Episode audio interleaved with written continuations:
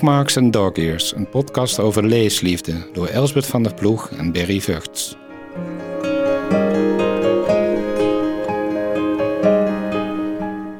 Vandaag is de gast Ronald van Raak, hoogleraar Erasmiaanse waarden aan de Erasmus School of Philosophy.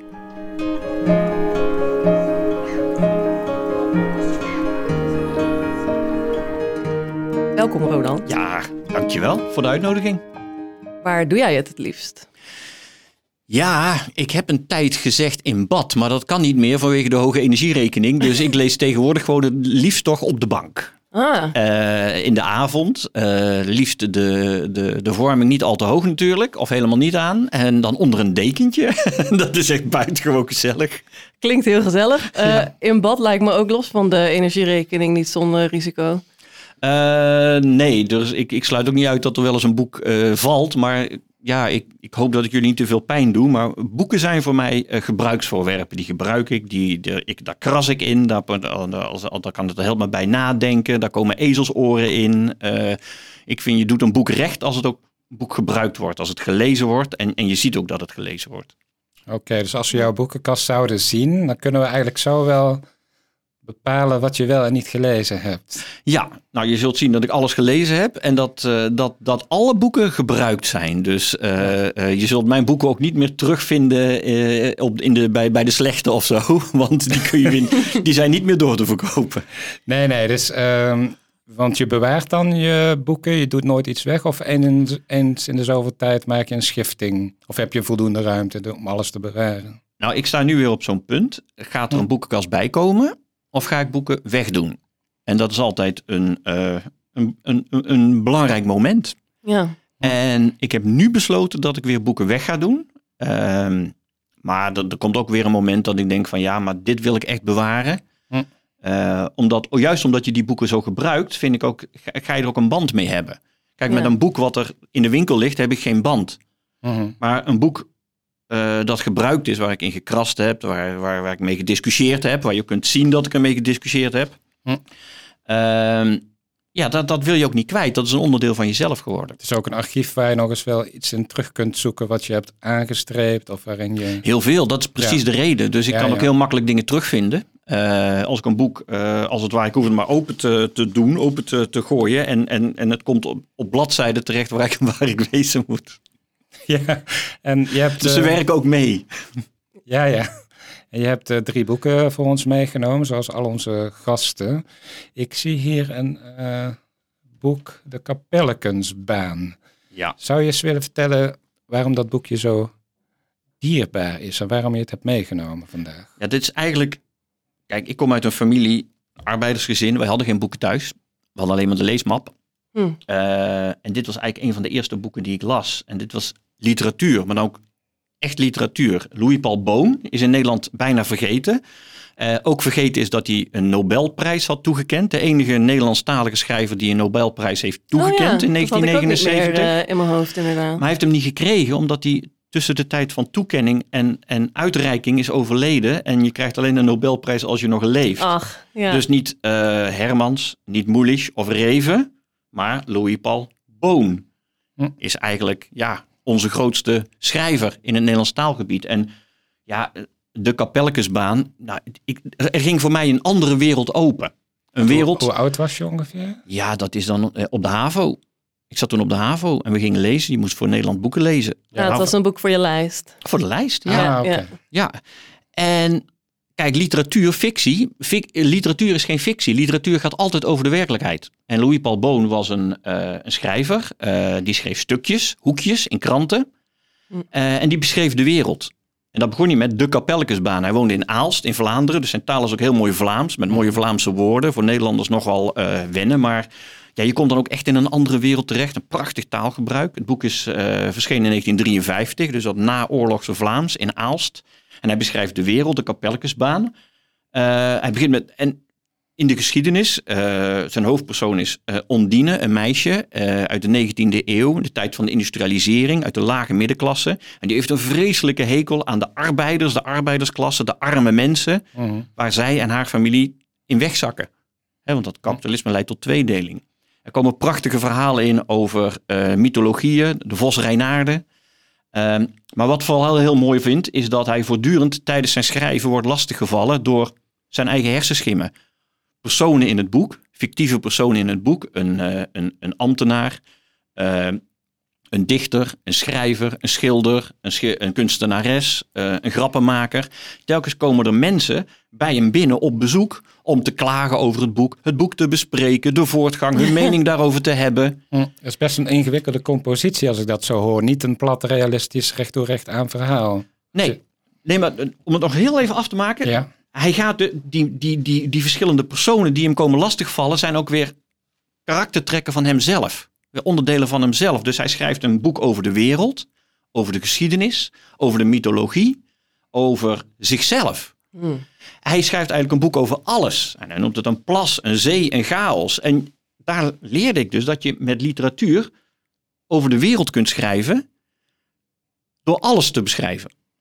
En dat Oh. doet hij eh, in kleine stukjes. Dus het is ook heel handig om te lezen. Het is in kleine eh, dagbladhoekjes. Dus hij schreef elke dag een stukje. Mm.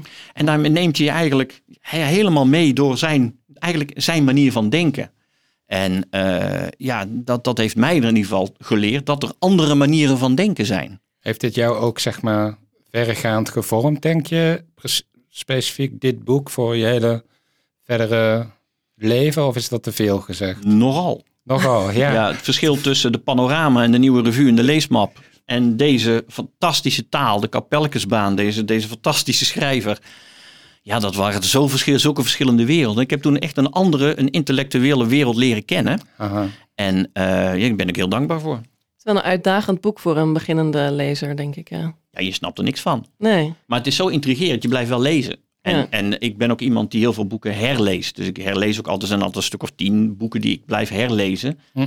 En eh, dit is er één van. En telkens lees je weer een ander boek. Omdat je weer een andere fase in je leven hebt. Eh, Ja. Je hebt zelf andere ervaringen.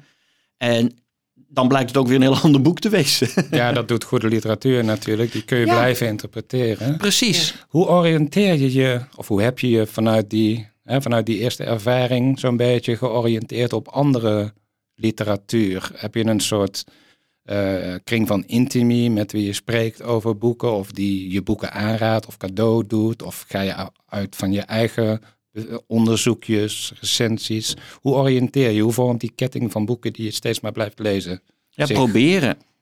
Proberen. proberen. Kijk, wat mij. Wat mij eh, ik had ook. ehm, als je met zo'n veel te moeilijk boek begint op de HAVO. dan kan het ook zijn dat je afhaakt. Ja. Ja. Dat je denkt van nou, flauwekul. Dat lijkt helemaal niet op de panorama of de nieuwe revue. Of je wordt erdoor gegrepen. En als je erdoor gegrepen wordt, ben je er ook niet meer bang voor. Dus ik hoefde ook niet meer bang te zijn. Ik kon dus aan boeken beginnen zonder dat ik er eh, bang voor hoefde te zijn, omdat ik ze niet hoefde te snappen. En eh, wat een heel groot probleem is, ik merk dat ook aan studenten, eh, is dat ze bang zijn dat ze iets niet snappen. Ja. En als je literatuur, ja, het valt niet te snappen, je hoeft het niet te snappen. Dat is helemaal niet de bedoeling. Je moet ervan genieten. Je moet er, je moet er door leren nadenken. Anders door leren nadenken van genieten. Ehm, dus het is helemaal niet eng, een boek. Ook Had al snap je- je het niet. Nee. Had je een goede leraar Nederlands destijds die daarbij hielp? Nee, die was echt verschrikkelijk. Oh, dus je deed het op eigen kracht eigenlijk. Ja, dat was wel op eigen kracht, ja. ja, ja, ja. En nou zit ik toch te denken over die oriëntatie, ja, proberen. Maar ik weet wel, vroeger kocht je nog wel eens, als je als puber niets wist van muziek, een plaat op de hoes of zo. Maar hoe doe je dat met boeken? Hoe probeer je dat? Was je dan lid van een biep en las je het achterblad? Of... Ja, in ons dorp, in Hilvarenbeek, had je de biep.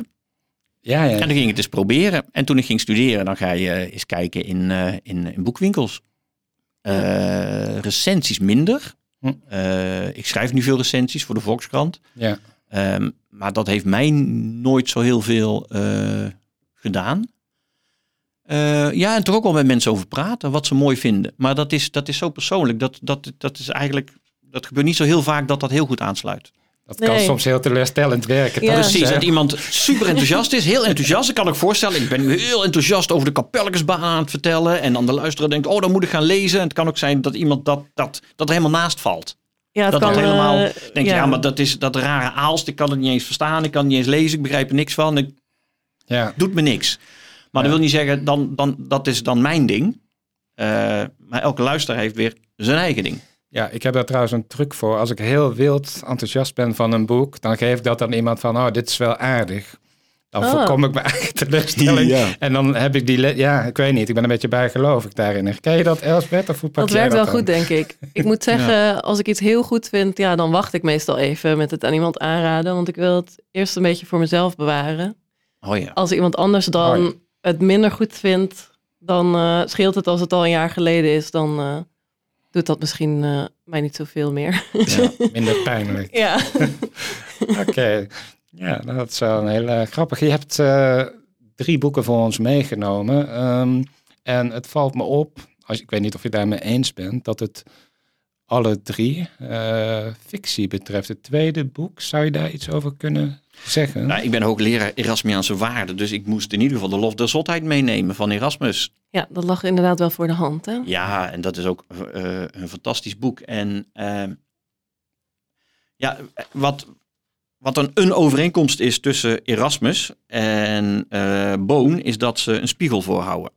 Eh, door zichzelf kwetsbaar te maken, houden ze een spiegel voor. En Mhm. bij Erasmus gaat dat natuurlijk in de lof der zotheid, dat de zotheid, vrouwen, eh, eh, eh, vrouwen eh, zotheid, de samenleving een spiegel voorhoudt. Zij houdt een reden. En wat ik prachtig vind aan Erasmus is dat hij eh, leert lezen. Eh, hij komt uit een tijd met nieuwe media. Nu heb je nieuwe sociale media. En dat was de tijd van de drukpers, hè, begin 16e eeuw, 500 jaar geleden. Tijd dat boeken werden gedrukt, pamfletten. En je kreeg dus een nieuw lezerspubliek. Maar hoe Ja. doe je dat lezen? Want ja, als je dan gaat lezen, zoals nu ook wel op de sociale media gebeurt, dan zie je iets waar je het mee eens bent en dan denk je, nou, dat is goed.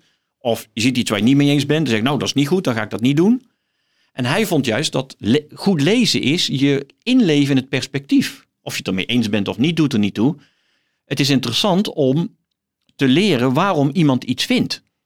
Waarom iemand op een bepaalde manier denkt, een ander perspectief. En hij trekt dat zo ver door dat hij niet alleen maar leert om in een ander in te leven, hè, zoals Louis Mhm. Paul Boon doet, eh, maar zelfs in een abstract perspectief, in de perspectief van dwaasheid. Ja. Vrouwendwaasheid, hoe, hoe die tegen de wereld aankijkt. Dus hij leert je om vanuit een abstract perspectief te kijken. En daarmee zegt hij, als je op zo'n manier naar de wereld kijkt, leer je ook jezelf kennen. Hè? Als je eh, eh, eh, kijkt naar de dwaasheid van de wereld, leer je ook je eigen dwaasheid kennen. Ja, dit is denk ik echt eh, een van de bijzondere kwaliteiten die literatuur heeft. Hè? Ja, wat ik ook mooi vind, hij is een filosoof die zich dus ook van literatuur bedient. Ja. Eh, er zullen ook filosofen zijn die zeggen, Erasmus is geen echte filosoof, want hij heeft geen filosofisch systeem eh, of geen filosofische leer. Hm. Nee, daar ben ik het niet mee eens. Ik vind het juist heel interessant. Eh, iemand als Spinoza, die maakt een prachtig filosofisch systeem. Nou, dat is buitengewoon goed, knap, indrukwekkend, leerzaam. Erasmus heeft een andere methode. Eh, en dat is niet meer of minder, maar dat is een andere manier eh, om te filosoferen.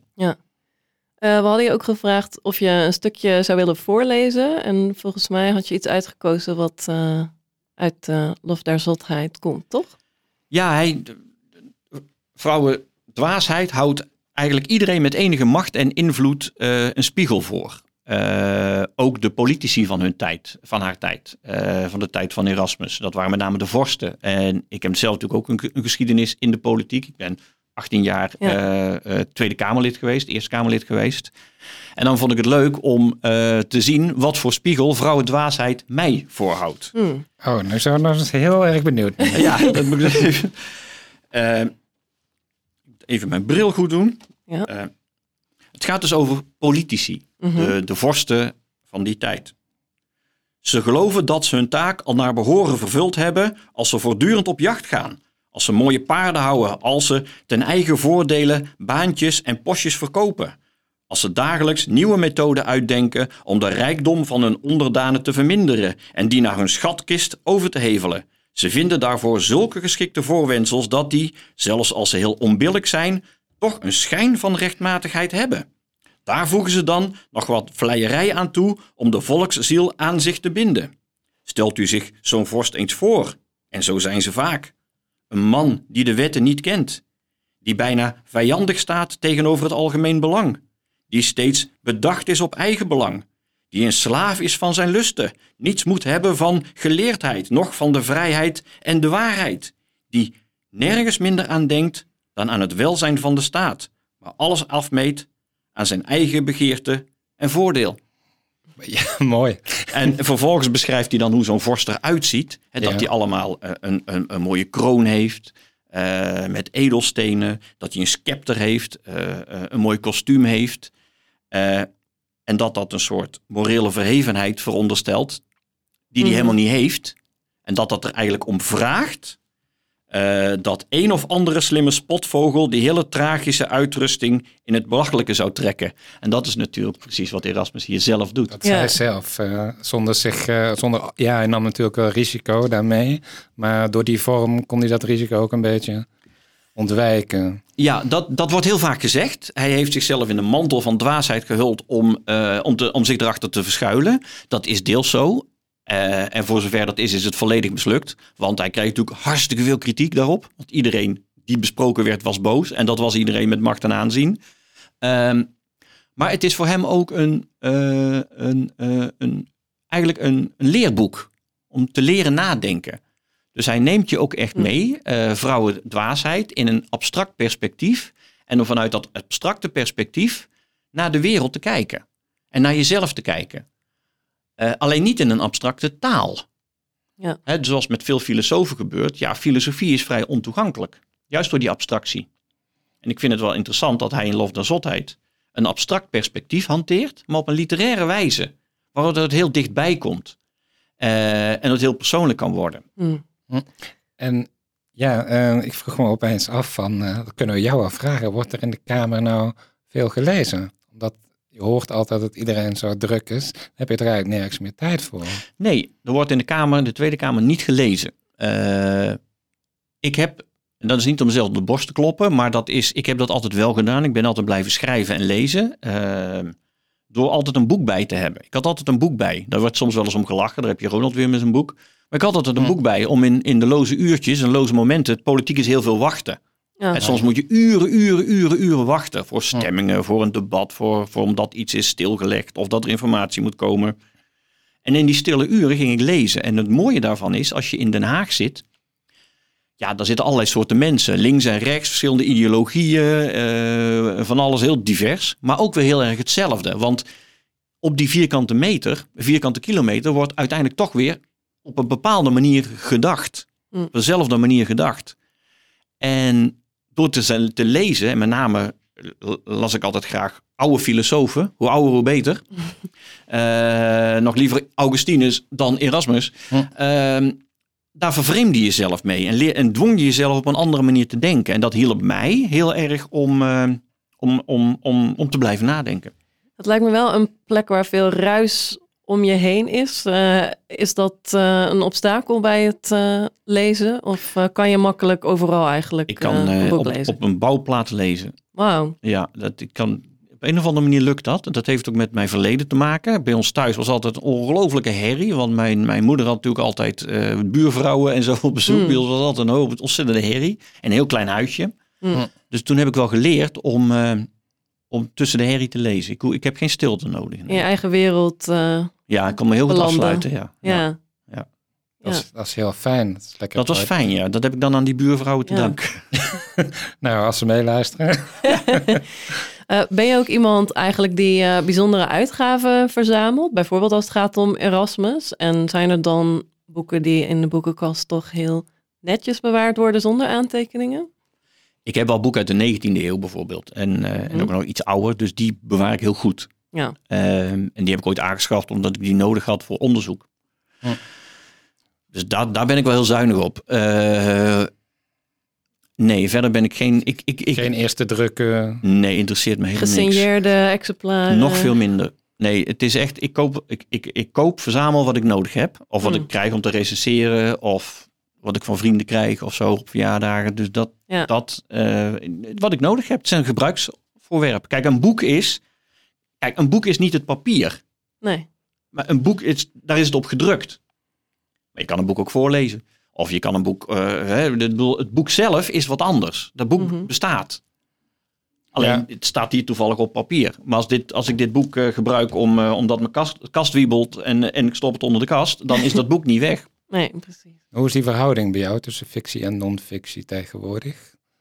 Ja, heel, heel, heel veel meer non-fictie. Hm. Heel veel meer, omdat veel ik dat, meer. ja, veel filosofie natuurlijk, veel geschiedenis, eh, theologie, dat soort dingen. Dus ik heb gewoon veel boeken nodig. Hm. Ja. En in de tijd dat ik politicus was, had ik natuurlijk heel veel politieke boeken. Ja. Eh, boeken van en over journalisten en dat soort dingen. Dus het is heel veel. Maar daardoor heb ik ook, dwing ik mezelf ook wel om literatuur te blijven lezen. Ja, Juist omdat dat een andere manier van denken is, die, je- die, die, ja, die je ook weer fris houdt, zullen we maar zeggen. En meer ontspannend soms? Of, eh, want het klinkt als behoorlijk studieus, het lezen van non-fictie, geschiedenis, filosofie. Ben je zo gewend? Nee, ik vind het altijd wel ontspannend. Hm. Hm. Ja, ook als ik eh, Spinoza lees of zo, dan is het wel ontspannend. Oh, dat vind ik Alleen- heel bijzonder om te horen. Ja, maar het gaat wel Ja. een stuk langzaam.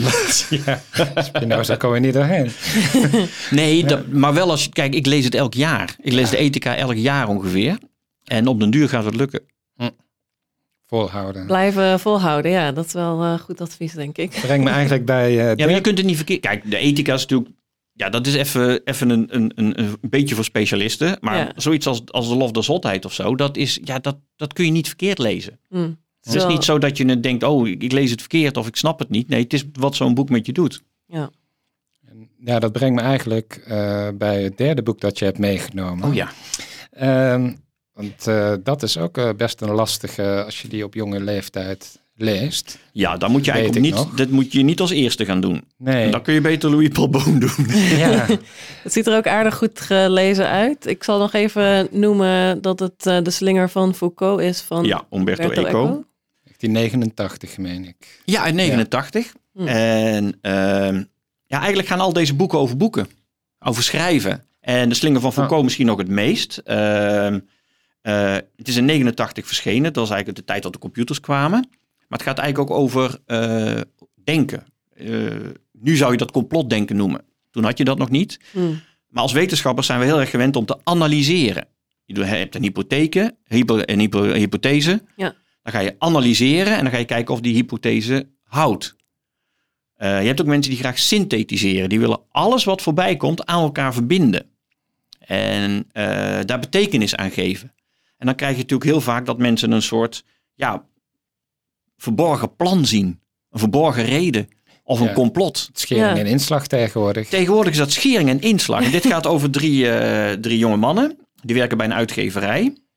Eh, wetenschappelijke uitgeverij. Maar die heeft ook een poot van occulte uitgaven. Omdat dat een goede verdienmarkt is. En er komen allemaal mensen over tempeliers. eh, over religie, filosofie, esoterie. eh, eh, nou, allerlei eh, occulte eh, eh, Mhm. Mhm. En die hebben dat mechanisme van dat synthetiseren, dat aan elkaar plakken. En het beste plan is het plan wat het hardst ont- ontkend wordt. Want ja, onderdeel van het grote plan, de echte werkelijkheid, die verborgen moet blijven, die jij probeert te onthullen. Als het hoe harder het ontkend wordt, hoe beter je op weg bent. Klinkt heel eh, actueel inderdaad. Dat klinkt heel, ja, dat is, dat is verbijsterend actueel geworden. Hmm. Eh, benauwend actueel zelfs. Eh, maar door middel van de computer gaan zij met z'n drieën proberen eigenlijk om hun auteurs te overtreffen. Om nog meer verbanden te leggen. Tussen alles wat ze tegenkomen. Van de Kabbalah tot de Tempeliers, tot, tot de natuurwetenschap van Newton, tot de stripfiguren. alles aan elkaar verbinden. En maken eigenlijk van de hele geschiedenis, van het hele leven, één groot verborgen plan. En dat is natuurlijk een, een, eh, een, een vingeroefening. Maar dat lukt zo goed dat ze ook ja, een beetje. eh, zou het dan kloppen? Of ja, hoe kan dat nou? Is dit plan er dan? Klopt dit nou? Of, Mhm. maar nog erger, andere mensen gaan erin geloven. En het verhaal, Ja. denk ik, hierachter is, wat ik het zo mooi eh, aan vind, is dat je interpretatie van de wereld, het verhaal wat je maakt van de wereld, kan werkelijkheid worden. Hè, dus literatuur, fictie kan werkelijk worden, omdat je- mensen erin gaan geloven. Ja, ja, dat kan eh, op een hele nare manier aflopen. Maar Nou ja, dat- dat- ze, ze gaan ten onder. ze gaan ten onder. Dood en ten onder. Eh, daar verklap ik verder niks mee, want het staat gewoon op de achterklap. Eh, en dat zie je natuurlijk ook met die complotdenkers. Dat wordt een werkelijkheid. En zo zie je dat literatuur ook een werkelijkheid kan worden. Dus niet alleen een proberen te snappen, te vatten van de werkelijkheid. Mhm. Zoals bij Louis, Louis, Louis Paul Boon. Eh, daarmee jezelf beter leren kennen, zoals bij Erasmus. Maar het kan er zelfs toe leiden dat het een werkelijkheid gaat worden. Als maar genoeg mensen erin gaan geloven in jouw verhaal. Ja, en heb je ook, hè, want dat je een boek aan het lezen bent en dat je denkt van, wow, nu ben ik echt ook, hè, dat heb ik misschien eerder bij films of zo, nu ben ik echt gewoon geëmotioneerd geraakt door wat hier beschreven wordt. Of, of, of ben je toch meer dat je denkt, oké, ik neem dit tot me, het geeft me een ander beeld op de wereld. Ik vraag me af, omdat we het over de kapelletjesbaan hadden eerder en nu over eh, de slinger van Foucault. Ik denk dat dat bij dat eerste boek misschien eerder het geval was. Dat zou je denken. Het gaat Ja. over de opkomst eh, en, eh, van het socialisme. Dus dat zou mij moeten aanspreken. En dat doet het ook. Hm. Maar ik merk dat ik het meest... wat mij het meest doet, is als een, een, een, een schrijver erin slaagt om een stijl te ontwikkelen die bij het verhaal past. Je hebt de schrijvers die hebben een stijl en gaan dat dan eh, uitmunten. Die gaan dan wel boeken schrijven in die stijl. Ja, Wat ik, wat ik heel mooi vind aan eh, Eco zeker, maar ook aan Boon en, en ook Erasmus, is dat zij voor elk verhaal wat ze vertellen, en bij Eco geldt dat buitengewoon, Mhm. een hele andere stijl ontwikkelen. En bij de slinger van Foucault is dat een hele eh, eh, occulte, maar ook natuurwetenschappelijke, eh, eh, ontoegankelijke stijl. ja. Ja. Het is een ontoegankelijk boek. Als je eraan begint, denk je van, dit is krankzinnig. Ja. Maar dat is het ook, want de wereld is krankzinnig. En de verbanden die ze leggen ook. En, en wat daar vervolgens mee gebeurt ook. Eh, en die stijl past dan heel goed. En ik merk dat dat op een iets abstracter niveau... Dus eh, eh, dat emotioneert me. Ah ja. Omdat die, om, gewoon de schoonheid daarvan. De grote kunstenaars die hebben Ja. telkens een andere stijl. Ja. dat is maar weinig gegeven waarschijnlijk. Heel weinig. En ben je ook echt een, iemand die dan dit boek van Eco fantastisch vindt en dan Eco verder helemaal wil lezen? Ja, dan lees ik ook alles. Oké, dus Ja. als je iets goed vindt, dan ga je die hele auteur eh verslinden. Ja. Ja. Ja, want dan, maar dan wil ik het ook zien eh, van begin tot het einde. Hoe het, in, eh, hoe het erin past in alle boeken die geschreven zijn. Dan wil ik het ook. eh, dan Dan wil ook ik, een beetje chronologisch misschien. Dat je ja, en die ontwikkeling. En hoe het in de Ja. ontwikkeling van. Dan wil ik dat allemaal weten wel, ja. Ah, dat ja. is wel heel mooi. Dus je hebt een Ja. plank van Boon thuis staan. Ja, zeker. Ja. Wat mooi. Eh, ja, ik denk dat we, waar we altijd mee afsluiten, dat is eh, de eindtip. Dus dan vragen we onze gast om een boek aan te raden wat we nog niet hebben besproken. Ja. Heb jij voor de luisteraar een hele mooie titel om aan te raden? ja, dan zit ik weer te twijfelen. Ik had iets opgeschreven. Het boek Neoliberalisme, een Nederlandse geschiedenis. Door Melink en Oudenamse. Dat is een non-fictieboek. Dat is een Van vorig jaar, fantastisch toch? boek. Ja, Ja. wat eigenlijk eh, ook heel veel vertelt over onze tijd en onze politiek. Mhm. Ehm, hoe dat neoliberalisme in Nederland eigenlijk al vanaf de jaren 30 zich heeft ontwikkeld. Door juist niet politiek te zijn. Hè, waarin de Anglo-Saxische wereld, neoliberale marktdenkers de boer op gingen, polariseren, politiseren. Is dat in Nederland eh, juist niet gepolitiseerd, heel ambtelijk en wetenschappelijk gemaakt. Ja. En het is ook heel interessant om te lezen hoe de Erasmus Universiteit, daar vanaf 1973, eh, toen de Erasmus Universiteit werd opgericht, daar ook een hele belangrijke rol in heeft gespeeld. Ah, dat is een goede maar ik heb me bedacht. Ja, je mag. twijfelt, hè? Je mag een andere titel roepen. Ja, dus ik, ik, ik, wat ik, kijk, we hebben nu een podcast. Mhm. We zitten in een podcast. Wat ik fantastisch vind, is eh, de podcast voor over het bureau van Voskuil. Ah, Ja, 475 afleveringen. Dus ga er even voor zitten. Elk een kwartier. Hoeveel zei je? 475. Oeh. Maar wordt het voorgelezen dan? Of Eh, nee, er is een podcast van gemaakt. Mhm. Van die boeken. Dus van die zeven boeken, die 5000 pagina's, is een podcast gemaakt. Het bureau. Ja. Eh, je kun je gewoon vinden, kun je gewoon op internet vinden. En als je daarna gaat luisteren, dat is als je tot rust wil komen. Want ja, er gebeurt in die 5000 pagina's of die 475 eh, podcasts, gebeurt er niet zoveel.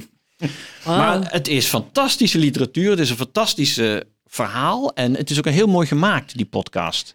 Kijk. En daar zie je dus ook allemaal hoe in een kleine ruimte op een bureau eh, mensen op elkaar reageren. En een soort Ja, ja. eh, eh, microwereld die eigenlijk weer een, een verafspiegeling is van de, van de echte wereld. Eh, ja, ik heb daar ontzettend van genoten, van het lezen, maar nog eigenlijk meer van het luisteren. Dus ik dacht, misschien is dat wel Oh. gepast voor de mensen die podcast luisteren hier. Heel die zijn leuk. misschien nog wel geïnteresseerd Ja. in podcasts. Het is eh, sowieso een goede tip. eh, de eh, serie Het Bureau is vaker eh, ter sprake gekomen in deze podcast. Dus eh, het, Dat zegt wel iets. het wordt zegt misschien een eh, soort thema, inderdaad. Ja, nou kijk. Nu met podcast, eh, inderdaad, helemaal een goede tip.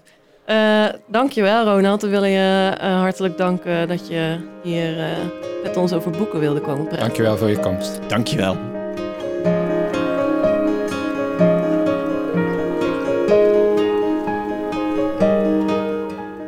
Je luisterde naar een podcast van het Rotterdams Leeskabinet, de Humaniora Bibliotheek op Campus Woudenstein.